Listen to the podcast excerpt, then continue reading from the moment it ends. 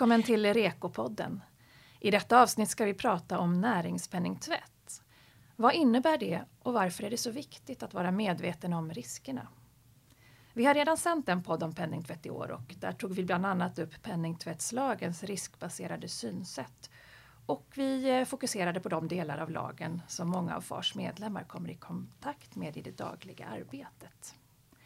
Men i detta avsnitt fokuserar vi alltså på näringspenningtvätt. Vi kommer att komma in på begreppen lite också.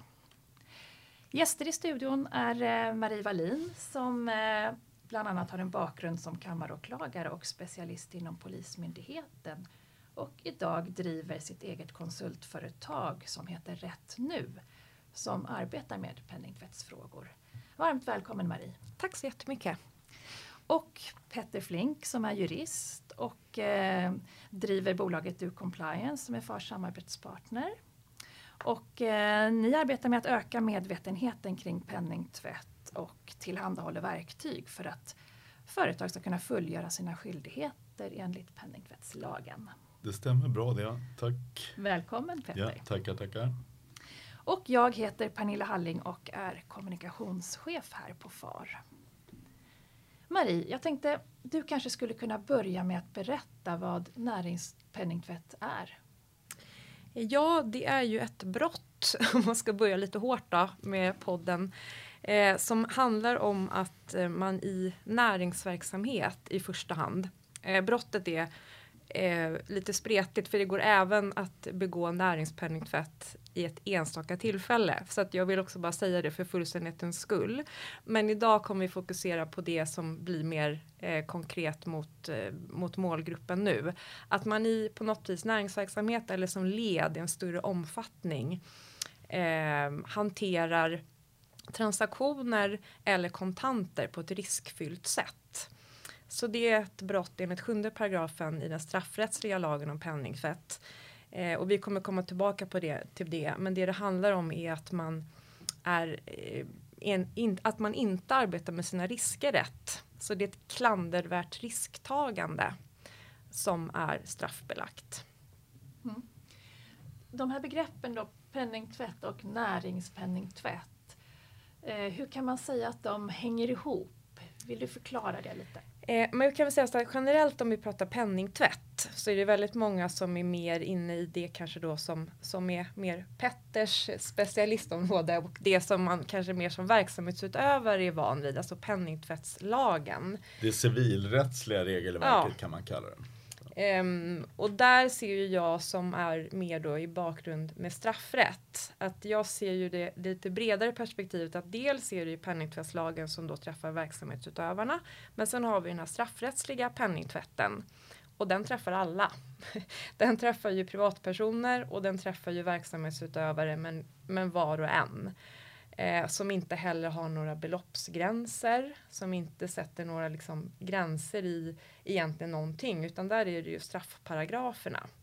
Så att det som är viktigt att se utifrån ett helhetsperspektiv, det är just det som Petter eh, är mer specialist på kring liksom det här allmänna eh, förhållningssättet kring risker som är ju lagkrav enligt penningtvättslagen. Men att man kan se att man behöver följa det men så behöver man även ha kunskap och medvetenhet om vad som också då skulle kunna vara eh, straffbart.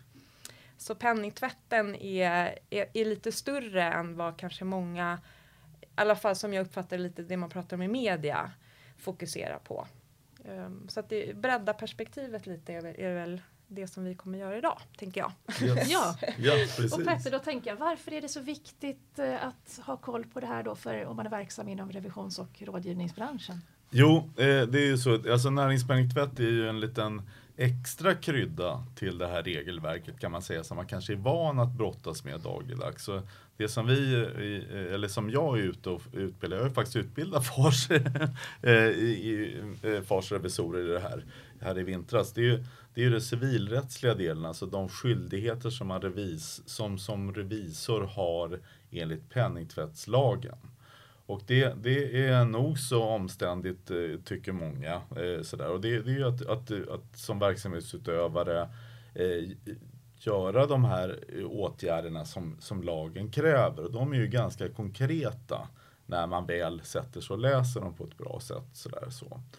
Eh, så att det, det, är ju en sak. Men sen i förlängningen då, så, eller den extra lagstiftningen om man säger så, som finns utöver den här civilrättsliga, är den straffrättsliga. Eh, så att grunden, det civilrättsliga då som jag kan, det, det förutsätter vi lite för den här diskussionen. Men jag skulle ju kunna dra det civilrättsliga väldigt kort. Ja, men gör gärna det. Ja, sådär. Så att det, om man väldigt kort då ska säga vad, vad man har skyldighet att göra, göra enligt penningtvättslagen så, som revisor. Så har man skyldighet att, att upprätta en allmän riskbedömning för sin verksamhet.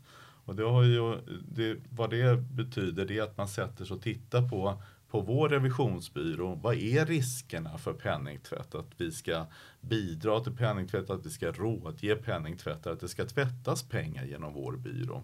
Så det sitter man och tittar på i ett allmänt perspektiv och sen har man också skyldighet att upprätta en rutin för det här som är väldigt tydlig och konkret. Att så här gör vi när vi fullgör de här skyldigheterna enligt penningtvättslagen. Så en allmän riskbedömning och en rutin. Och sen det som man gör dagligdags, det kan man, det kan man Eh, eh, ställa upp i hur många led som helst så att säga. Men väldigt förenklat, så det man gör med en, med en kund eller ett uppdrag det är att man börjar med att bedriv, eh, beskriva syftet med det här uppdraget och det är väldigt relevant sen när vi mm. kommer till det som Marie ska prata om. Vad är det kunden vill att revisionsbyrån ska göra? Och det är ju inte bara vad de säger dag ett utan det är också vad man ger sen på onsdag och fredag och nästa månad vilka uppdrag man ger. För att det är där revisorn har möjlighet och även redovisningskonsulten förstås se, ja men det här sticker ju ut, det här verkar lite fishy och lite konstigt. Så. Men steg ett, syftet eh, eh, med uppdraget som kommer till byrån. Och sen så steg två så har man skyldighet att identifiera eh, kunden, eh, den fysiska personen eller bolaget och dessutom representanterna för bolaget. Och där kan vi också slänga in då att man är skyldig att kolla om det finns en verklig huvudman för det här bolaget. Det vill säga eh, varför är man så intresserad av verkliga huvudmän? Jo, för att man tänker att det är de som i slutändan tjänar på en sån här penningtvätt eller så.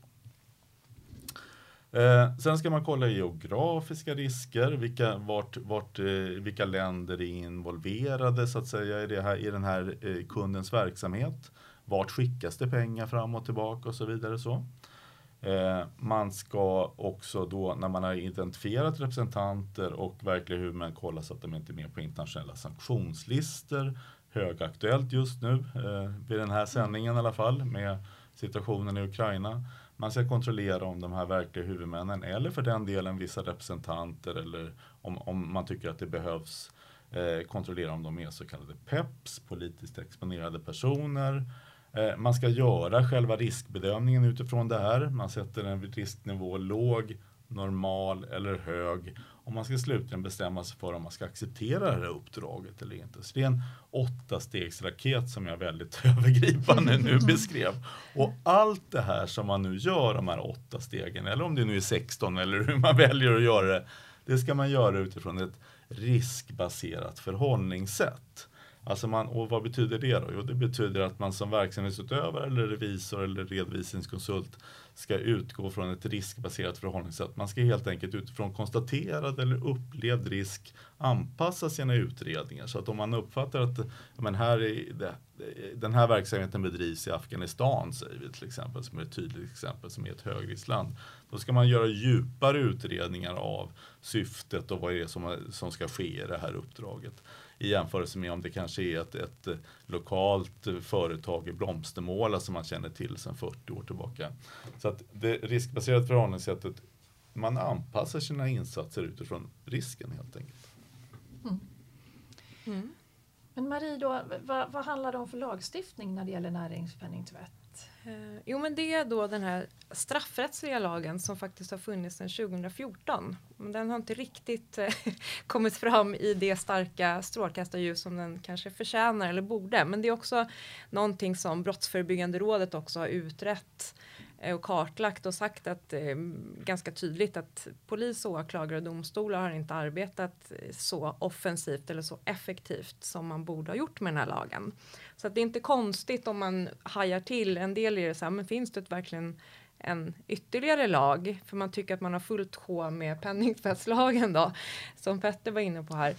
Um, men den har funnits sedan 2014 och den har till syfte att egentligen komma åt brottsvinster, alltså det här som man pratar mycket om, eh, ta pengarna. Vilken är drivkraften för de kriminella? Jo, men det är ju att ha statussymboler och att kunna lyxa och leva gott utan att göra eh, det som vi andra gör då. Slita hårt, betala skatt och så vidare. Så att den har väldigt många, som jag brukar säga, väldigt många huggtänder och den eh, ligger om man ser över allting som, som det här med riskbedömningar och sånt. Så att man kan se ganska tydligt att det här brottet då näringspenningtvätt som vi fokuserar på idag som då finns i lagens sjunde paragraf.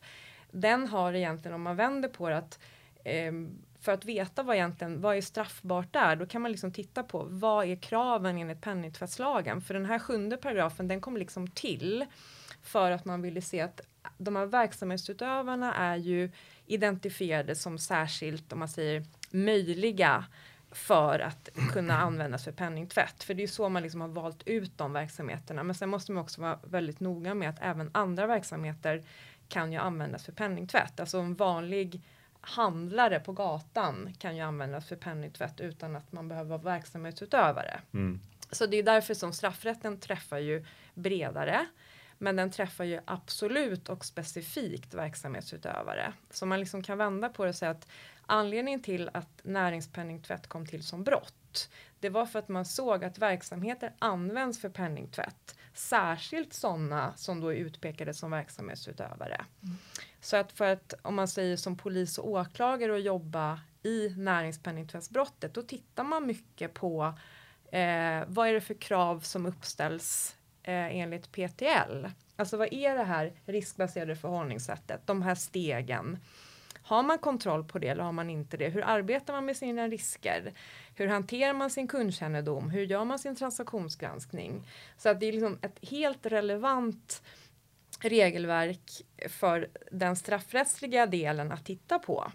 Och det har nu, om man säger så, äntligen också kommit till uttryck i en dom från Högsta domstolen som kom här nu i februari eh, 2022 där de uttryckligen skriver att de här två lagarna hänger ihop på det här sättet. Att näringspenningtvätten är liksom som ett, ett direkt korresponderande brott. Mm. Eh, om man liksom ska försöka, för, för det är ju väldigt det blir väldigt mycket termer och det kan ibland bli så abstrakt med juridik. Men om man kan säga att eh, bryter man mot det allmänna riskbaserade förhållningssättet, bryter man mot kraven, transaktionsgranskningen, då bryter man inte bara mot penningtvättslagen inom situationstecken, utan då kliver man väldigt snabbt in i det här med näringspenningtvätt. Mm.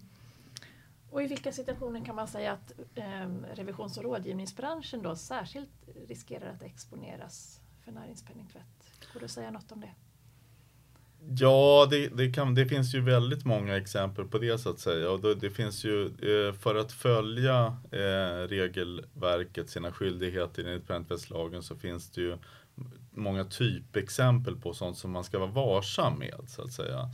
Eh, och Revisorsinspektionen har gett ut en bra vägledning 2019 om jag inte minns fel med, med väldigt många exempel på sånt som man ska reagera på.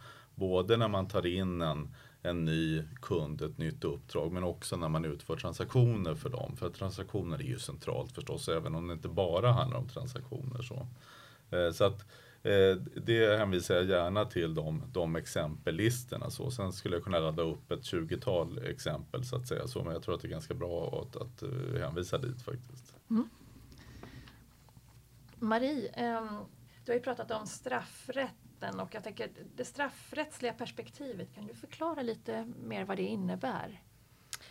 Jo men det är väl just att om man ser att eh, man följer eh, om man säger ett regelverk som penningtvättslagen som ställer upp krav, om man säger det civilrättsliga, så, så kan man säga att det kan också vara om man säger en hjälp för en själv att inte begå brottet eh, näringspenningtvätt. För det är egentligen om man säger det, det bygger eh, på ett man säger, ett, ett klandervärt risktagande som egentligen handlar om det här att du har inte koll på vilka du agerar med i transaktioner. Du har liksom inte tillräckligt god kännedom Eh, och då kan det både vara fysiska personer eller juridiska personer. Det här med vem som står bakom ett bolag, företrädare.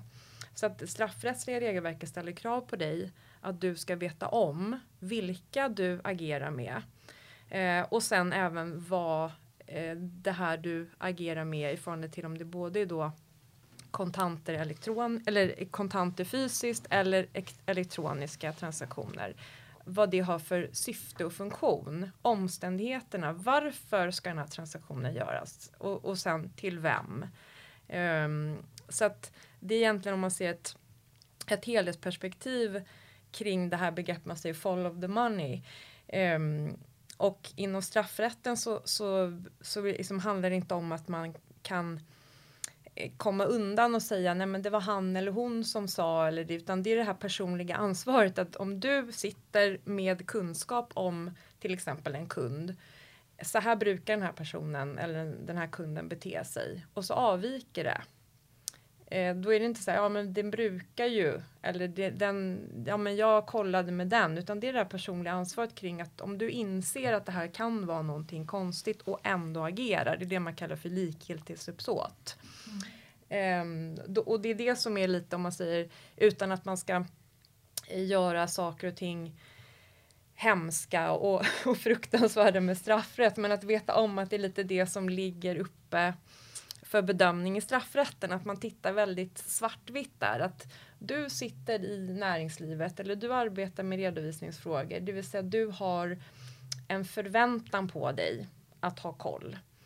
Um, eller du är företagsledare, eller du har ett aktiebolag. Någonstans sätter samhället upp någon form av krav på dig jämfört med om du är 16 år. Det är liksom mm. lite där man kan se med straffrätten att den är objektiv om man säger hur man ser hur lagar är stiftade kring vad som är brottsligt. Men sen går man in på det här vilket ansvar var och en kan möjligen då behöva stå till svars för i domstol. Men där är man ju generellt sett ganska hård mot professionella aktörer och vuxna människor.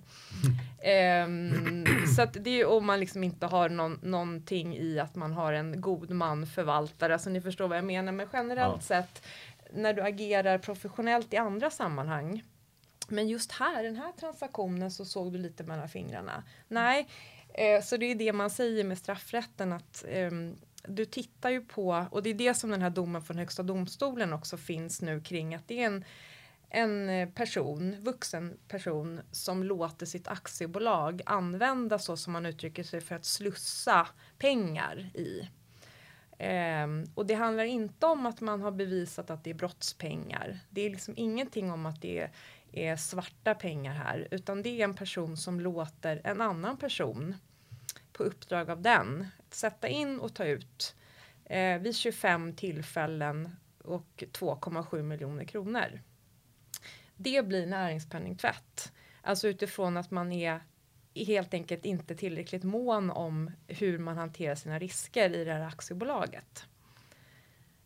Det låter som att det finns en hel del att eh, hålla koll på och, och det känns ja. lite, eh, vad ska man säga, risk. Eh, Absolut. det finns en risk verkligen. Jo men det gör det ja. och det, det som jag utan att vara, liksom, för jag är inte lika inne i straffrätten som Marie som sagt det är just det här att i det här fallet, det här från HD, det kom ju här i februari, mm. det här avgörandet att det inte ens behöver vara någon fuffens i, i, i den här hanteringen utan bara det att man upplåter bolaget till någon annan att ja. skicka pengar igenom. Bara det är ett klandervärt beteende då ja. som, du, eh, som begreppet är. Så, och det är väl det som blir lite om man säger um, som jag, om man ska försöka vända det till någonting positivt, att om man vet om det här, att det liksom inom situationstecken räcker med att det verkar handla om penningtvätt. För det är lite det det här näringspenningtvätt är. Att upplägget med att ett aktiebolag eh, får in transaktioner och sen ska de tas ut i kontanter utan att den som utför det här då, den här styrelseledamoten, vet om eh, vare sig vilka han arbetar med som personer eller var de här pengarna kommer från eller ska till. Där någonstans hittar vi, vad är, det är det som är näringspenningtvätt. Så det här kan alltså ha att göra med helt vita pengar intjänade helt legitimt och ska legitimt. Men bristen i hela det här, det är att den här människan inte frågar, inte har koll och inte vet och inte skaffar sig kunskap. Um, och, det är det, och det är det jag tänker, hur kan man motverka det? Ja, genom att man just gör det som Petter var inne på det här. Kundkännedom, transaktionsgranskningar, ha koll på kunden, ha koll på tjänsterna. Och är det sen någonting som avviker, ja, om du inte då ställer frågorna Mm. och är tillräckligt noga, då kan du både bryta mot penningtvättslagen, men du kan även då hamna i att du begår näringspenningtvätt. Är det alltid tydligt vem det är som ska ställa de här frågorna och ha koll? Alltså jag jag, tänker man jobbar ju med kollegor, kan jag tro Ja. att någon annan gjorde det och någon annan Nej, det kan, nej ja, jag, jag förstår vad du menar, men det, det är därför man behöver ha de här rutinerna och allmänna risker. Främst rutinerna då som svar på den frågan enligt penningtvättslagen uppsatt. Vem gör vad? Och hur dokumenteras det här till punkt och pricka?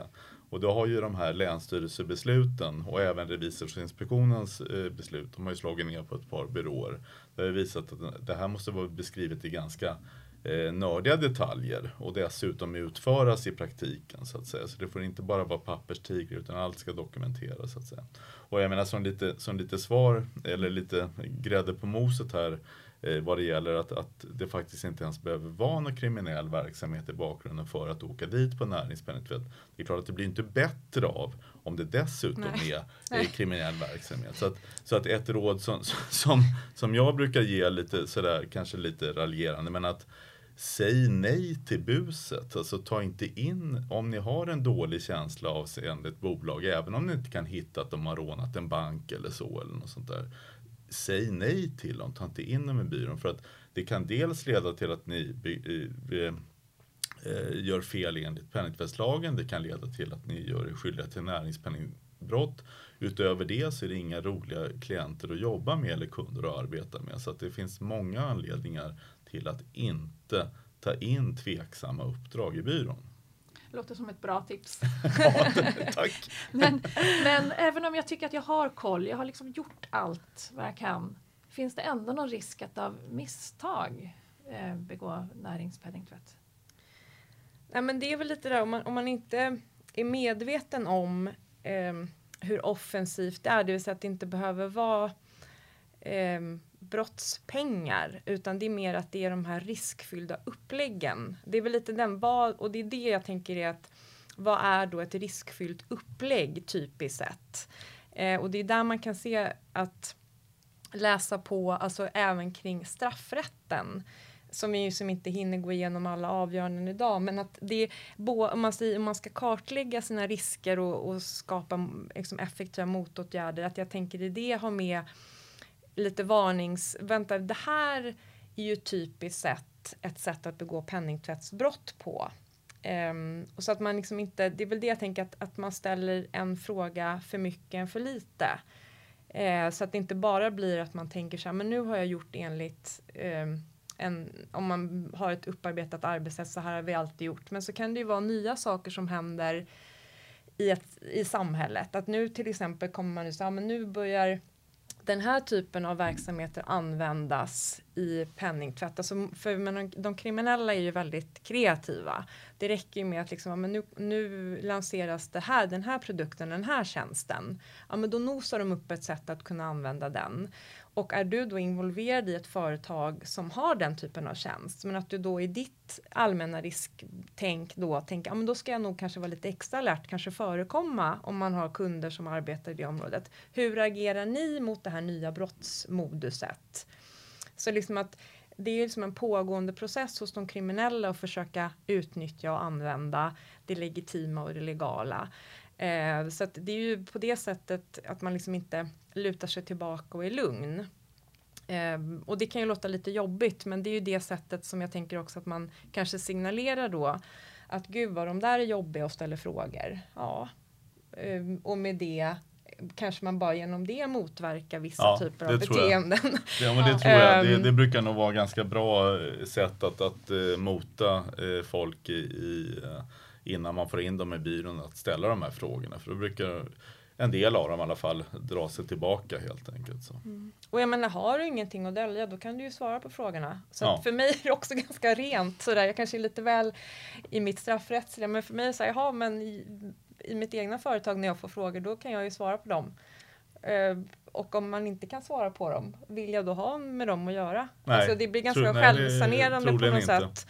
Ehm, men, men det är väl mer, tänker jag, att man, att man kanske breddar bara sitt sätt att se på risker. Att man kanske även behöver ta höjd för att det behöver inte vara det här självförklarande att det är narkotika, vapen, människohandel. Utan det att du tänker att sätten att göra med att du har ett transaktionsupplägg som är väldigt komplicerat och konstigt och går via olika personer. Och det kan ju bara, det behöver inte vara till olika länder utan det Nej. räcker ju att det är i Sverige. Ehm, men att det är nystartade bolag och det är dotterbolag och det är moderbolag och det är lite rörigt. Varför är det det? Varför har du det här upplägget? Eh, lite så.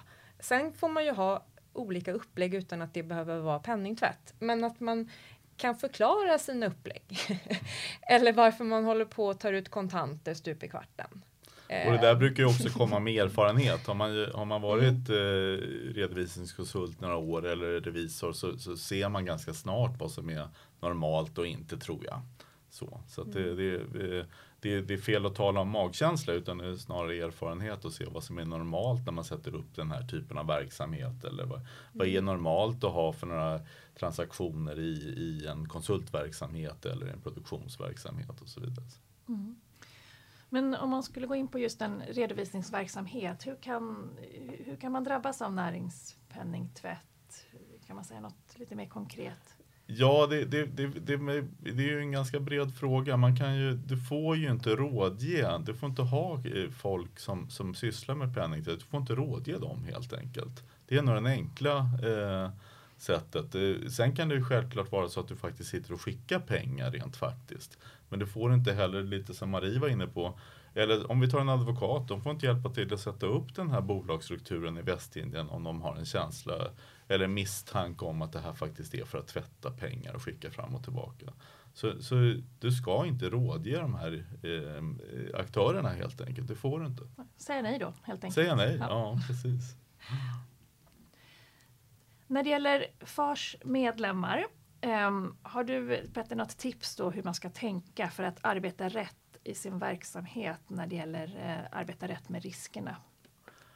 Ja, absolut. Det är, alltså, det, det, det är egentligen, det låter ju så otroligt tråkigt, men det, det är att följa, eh, att göra eh, sina, sina åtaganden eller sina skyldigheter enligt penningtvättslagen på ett riktigt sätt. På, på, på, på, på, på, på på riktigt helt enkelt och inte bara genomföra den som en check in the box. För att det är aldrig ett bra förhållningssätt utan faktiskt tänka lite vad, vad är det lagstiftaren är ute efter? Vad är det de vill ha hjälp med? Och det som är verksamhetsutövarna i penningtvättslagen, de är ju lite lagens förlängda arm. De ska ju vara, fungera som eh, snokar ute i sina verksamheter och rapportera in till Finanspolisen. Och det är också väldigt viktigt att, att poängtera att det är inte så att, att en redovisningskonsult måste gå till botten med det här kriminella beteendet eller den här verksamheten. utan Det är själva misstanken de ska agera på och anmäla till Finanspolisen. Så att det, det är därför lag, lagen, det är därför de här skyldigheterna finns att få in det till Finanspolisen som i sin tur sen skickar in det i den riktiga polisverksamheten så att säga och utreder det. Så att det, det är det perspektivet man får ha. Att man, man, är, man hjälper, man är som en liten vice sheriff som är ute och, och, och, och snokar upp misstänkta beteenden. Så. Marie, om jag misstänker att en transaktion som en kund vill att jag ska genomföra är kopplad till penningtvätt och jag då riskerar att begå brott mot näringspenningtvätt om jag utför den här transaktionen. Hur, hur tycker du jag ska agera då? Jo, men och det är det som är viktigt att se hur de här lagarna liksom hänger ihop om man säger så. För dels är det här precis som Petter var inne på med penningtvättslagens krav på att eh, rapportera till Finanspolisen. Men det är liksom, då ligger vi, om man brukar göra som en sån här misstanketrappa, där högst upp på trappsteget, det är där man väcker åtal och det blir liksom fällande dom i de flesta fall. Och lägst, lägst, lägst, lägst, där är det vid penningtvättslagen, alltså misstanke om att någonting verkar lite konstigt, mer så. Ehm, men sen om man ser att man börjar misstänka brott, då har vi liksom klivit upp lite på misstanketrappan och då har vi liksom kommit in då mer i konkret att det är den här penningtvättsbrottsligheten, inte bara inom situationstecken att det verkar misstänkt enligt penningtvättslagen. Så det är lite, man kan säga att eh, vissa rättsfall om man säger så som man kan se har blivit fällande domar straffrättsligt för penningtvättsbrott. De har ju börjat med att en verksamhetsutövare misstänker att någonting verkar konstigt och rapporterar till finanspolisen eh, som ju jobbar innan en förundersökning. Så det är liksom det som också är viktigt, precis som där med vad är det verksamhetsutövarna om man, säger, om man ser helheten kan ha för roll? Jo men det är ju verkligen att vara liksom detektiver innan. Nosa upp saker. Eh, för utan det arbetet så är det i princip omöjligt ibland att veta om. Så att, eh, men sen om man ser att man eh, både om man säger som verksamhetsutövare eller om man inte är verksamhetsutövare så kan man ju hamna i situationer som kan vara, men gud det här verkar ju vara penningtvätt, precis som du är inne på, den här transaktionen som den här kunden eh, Ehm, ber om eller det här upplägget som jag nu får redovisat för mig. Att vi någonstans har passerat det här låga ingångstrappsteget utan att vi är redan inne egentligen i där man ser brott. Det skulle kunna inledas direkt en förundersökning. Um, då kan man ju se att det, det um, finns ju då, precis som du är inne på, en risk att om du trycker på knappen då kan man ju se att aktören i sig blir den här gärningspersonen då som faktiskt har tankar om att det här upplägget nu med min penningtvätt ska jag använda den här byrån för. Men att du själv då kan bli som medhjälpare och det vill du ju inte. Eh, och då kanske man känner, men du, det här med att anmäla till FIPO och Finanspolisen, det är ju liksom lite ja, vi har kommit lite längre om man säger så. Och då är det ingenting som hindrar att man också om man säger kan göra en anmälan till det man säger den vanliga polisen, alltså en polisanmälan om brott.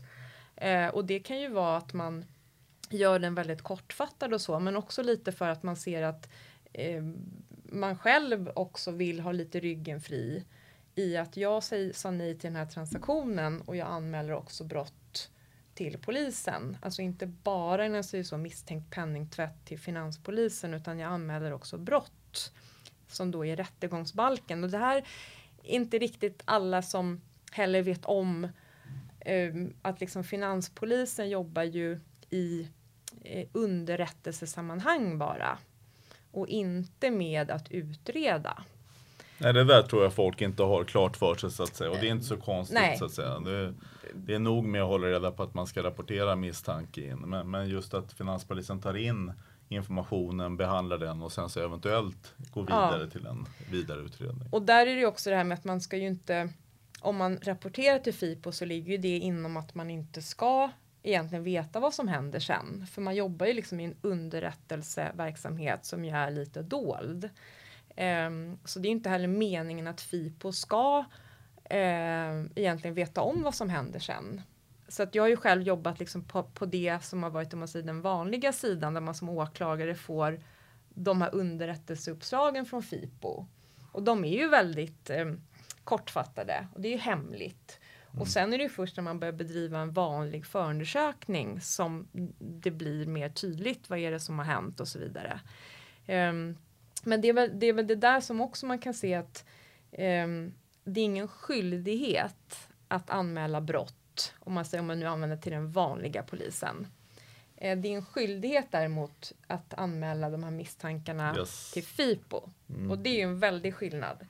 Men som man kan se som ett allmänt råd som svar på din fråga att om du upptäcker men gud det här är, verkar ju vara nu om man nu börjar bli lite påläst på straffrätten och ser men gud det här verkar ju faktiskt vara ett brott som det vi brukar säga är under allmänt åtal. Um, att då göra en polisanmälan också. Um, och det är, för det är det där, det blir liksom inget bara för att man använder till FIPO så blir ju inte det automatiskt en polisanmälan. Och det är inte alltid allting är lika klart för FIPO som det kanske är för dig som verksamhetsutövare. Um, och det där är ju liksom en, en, ytterligare bara ett ytterligare medskick tänker jag. Att absolut ingen skyldighet att anmäla brotten men att man kan se att det finns ju också en sån dimension på de här beteendena. Att de kriminella tänker ju inte så här nu är jag bara i penningtvättslagen eller nu är jag i penningtvätt. det, är ju liksom, det är ju ofta det straffrättsliga också. Mm. Um, så att, och, och, det är väl det där som bara kan, att man får, får, välja lite hur mycket man själv orkar ta in av kraven. Mm. Um, men jag har ju, om man säger som i den situationen du är, så har jag ju träffat verksamhetsutövare till exempel som har tyckt att det har varit väldigt skönt inför sin styrelse till exempel att vi gjorde en polisanmälan till den vanliga polisen Ja. för att visa att vi, satt, vi sa nej till den här transaktionen. Vi upptäckte att det nog också är näringspenningtvätt, grovt brott och vi gjorde en polisanmälan till den vanliga polisen om det. Mm. Så att det är ju, det är ju Mm. liksom en extra dimension på det. Eh, Som jag nämnde inledningsvis så har vi ju redan spelat in en podd nu i år om, om penningtvätt och eh, det finns ju ett skäl till att vi eh, Ehm, gör den här podden också, tar det ett steg vidare och pratar om eh, näringspenningtvätt. Ehm, hur skulle ni bedöma att eh, medvetenheten är? Eh, Då tänker jag inte bara i, i revisions och rådgivningsbranschen utan ja, bland företag i allmänhet. Jo, det skulle jag vilja säga att den börjar bli bättre. Eh, jag tror lagstift, de, de ökade skyldigheterna enligt lag och framförallt de här sanktionsbesluten som har kommit har ökat medvetenheten. Så att jag tror att eh, på grund av att hotbilden av att åka på sanktioner eller eh, och, och i kanske till och med förlängningen dömas för näringspenningbrott, det har nog haft effekt tror jag. Eh, Så att det är på eh, bra väg tycker jag. Sen finns det branscher eller verksamhetsutövare då inom branscher där medvetenheten fortfarande är väldigt låg. Och där man ser att det här är nog eh, bara ett hinder i verksamheten och man duckar gärna för att de här skyldigheterna så att säga. Men i revisionsbranschen tycker jag att, att, det, här, att det har blivit mycket bättre eh, senaste åren. Eh, men det, men det är nog inte bara för att alla är goda med, medborgare utan det är nog för att de helt enkelt har sett att hotbilden av att åka till och dessutom om man ser på Eh, ett par eh, grupper verksamhetsutövare så är det ju så nu att även, även om man själv inte är involverad eller så att säga så kan man åka, åka på de här sanktionerna, det vill säga som styrelseledamot och så vidare i, i en verksamhet. Till exempel advokater och fastighetsmäklare har det skett, den skillnaden. Och det har ju haft effekt. När, när ansvaret börjar gå upp till styrelserummet då brukar, då brukar det bli lite mer tryck i, i de interna rutinerna så att säga. Så, så att det är bättre men det är fortfarande inte eh, helt toppen. Så att skulle, om, om man skulle få önska om alla fö- följde sina eh, skyldigheter enligt penningtvättslagen så skulle det bli väldigt mycket besvärligare för de kriminella att tvätta pengar. Så är det. Man, man ska nog inte naiv, vara naiv och tro att man kan stoppa det här för att det kommer aldrig ske så att säga. Men att, att göra det väldigt mycket besvärligare för, för de här Eh, mörka kraften att tvätta sina pengar, absolut. Och, och dessutom så är de ju väldigt kreativa som Marie säger här så att de, de hittar nog nya vägar. Men, men lagen finns ju av en anledning och det är för att försöka göra det så besvärligt som möjligt och kanske till och med stoppa en och annan eh, penningtvätt. Mm. Om man då ska försöka ge sig på att sammanfatta vår diskussion här idag eh, och ta fram de viktigaste punkterna att tänka på när det gäller näringspenningtvätt. Vad skulle ni vilja göra för medskick till de som lyssnar? Jag tror att det är det lite som vi hoppas att vi har, har, har fått fram att börja med att fullgöra era skyldigheter en- enligt penningtvättslagen. Eh, ordentligt och noggrant. Eh, helt enkelt. Och, och sköt era anmälningar till Finanspolisen. Det, det sa jag nog kanske inte i min åttastegsmodell tidigare men, men det kom lite senare Ja. här så att säga. Nej men just att om man ska vara lite eh, krass och realistisk så kan man ju säga att vi har ju fortfarande de, den statistik som finns talar ju om att vi används i Sverige i stor omfattning för penningtvätt. Ja. Och ändå vet vi att mörkertalet är jättestort. Det vill säga det rapporteras inte som det ska till Finanspolisen och det rapporteras inte som det ska till den vanliga polisen. Det är också lite så här och vi har en, en grovt organiserad brottslighet i Sverige och drivkraften är pengar. Så att någonstans är det så här, vi behöver bli bättre. och det är ju lite det som jag kan tycka när man varje morgon vaknar med att en ny ung man har dött i princip eller någon har försökt att döda den. Vad är anledningen till det? Jo, det är någonstans tillbaka till det här med ehm, statussymboler, att man kan eh, lyxa på brottsvinster, att man kan visa upp det, att man använder det som lockbeten in för de unga. Om man tänker i förlängningen, om man kan liksom stoppa, ni får inte använda vårt fina finansiella system, ni får inte använda mina tjänster då, då sätter man ju stopp, stopp, stopp, stopp på tal om att vara jobbig. Så tänk om alla verksamhetsutövare bara såg som incitament att eh, vara jobbiga. Mm. För att, inte bara för att man ska, det står i en lag och man ska tänka lite bredare utan vad är syftet? Jo alla, om vi alla som arbetar i det legala är så här offensiva och jobbiga som våra lagar faktiskt har givit oss verktyg till. För vi får ju göra jättemycket enligt penningtvättslagen om man säger i att störa, i att rapportera, det här med dispositionsförbud och vi får göra jättemycket enligt straffrätten. Ehm, så jag är inne på det här verkligen så här medskicket, så här, försök att tänka att störa men i, i det goda syftet att ehm, sen kan man alltid säga då går de någon annanstans, jaha, ja. Ja. Men, Då förhoppningsvis blir de stoppade på det andra stället också. Ja, nej, alltså lite att det blir ett branschtänk om man nu tänker mot, mot, mot målgruppen idag. Att det ska vara liksom omöjligt att komma in i det här systemet för man får nej hos alla. Mm. Tänk om det vore så. Sen får man inte köpa en bil heller, man får inte köpa en båt, man får inte handla, man får inte öppna ett bankkonto. Ehm, om man skulle tänka så här ett önsketänkande. Ja, nej, men det är ju så att om det inte gick att tvätta pengar så skulle ju många kriminella börja gå väldigt dåligt. I, alltså, eh, all form av kriminalitet som innehåller någon sorts vinst, vilket det är ju inte alla som tjänar pengar, men, men de som gör det, då är, det innehåller ju ofta ett led av penningtvätt för att kunna använda pengarna. Och det behöver ju inte vara lyxklockor, det kan ju vara att köpa en ny diskbänk på Elgiganten också. Så är det ju. Det är ju, Det är ju liksom, därför eller man också bör bryta ner det till den vardagliga konsumtionen. Och Ja. det är tillbaka igen till att tänka brottsmanus. Hur kan jag bli utnyttjad? Och då ska jag se till att jag inte blir utnyttjad. Mm. Så att, ehm, ja. Och eh, de kloka orden får eh, avsluta den inte, här men lite podden. inspiration Ja. i det istället för att det bara ska vara så att herregud vad mycket regler. Men att tänka, de är ju, Se, se förbi paragraferna och se Mm. vad syftet med lagstiftningen är, det vill säga stoppa brott. Mm. Och det finns olika vidriga brottsligheter och det finns eh, som man säkert kan i sin fantasi tänka, det här vill jag faktiskt inte vara med och, och hjälpa till och tvätta de här pengarna. mm, precis. Och de orden får avsluta den här podden då. Ännu klokare. Stort tack Marie och Petter för att ni har bidragit med er kunskap i detta viktiga område och gett tips på hur man ska agera i olika situationer för att inte riskera att begå näringspenningtvättsbrott. Tack själv, det var Tack. trevligt. Ja. Och stort tack till dig som har lyssnat. lyssnar.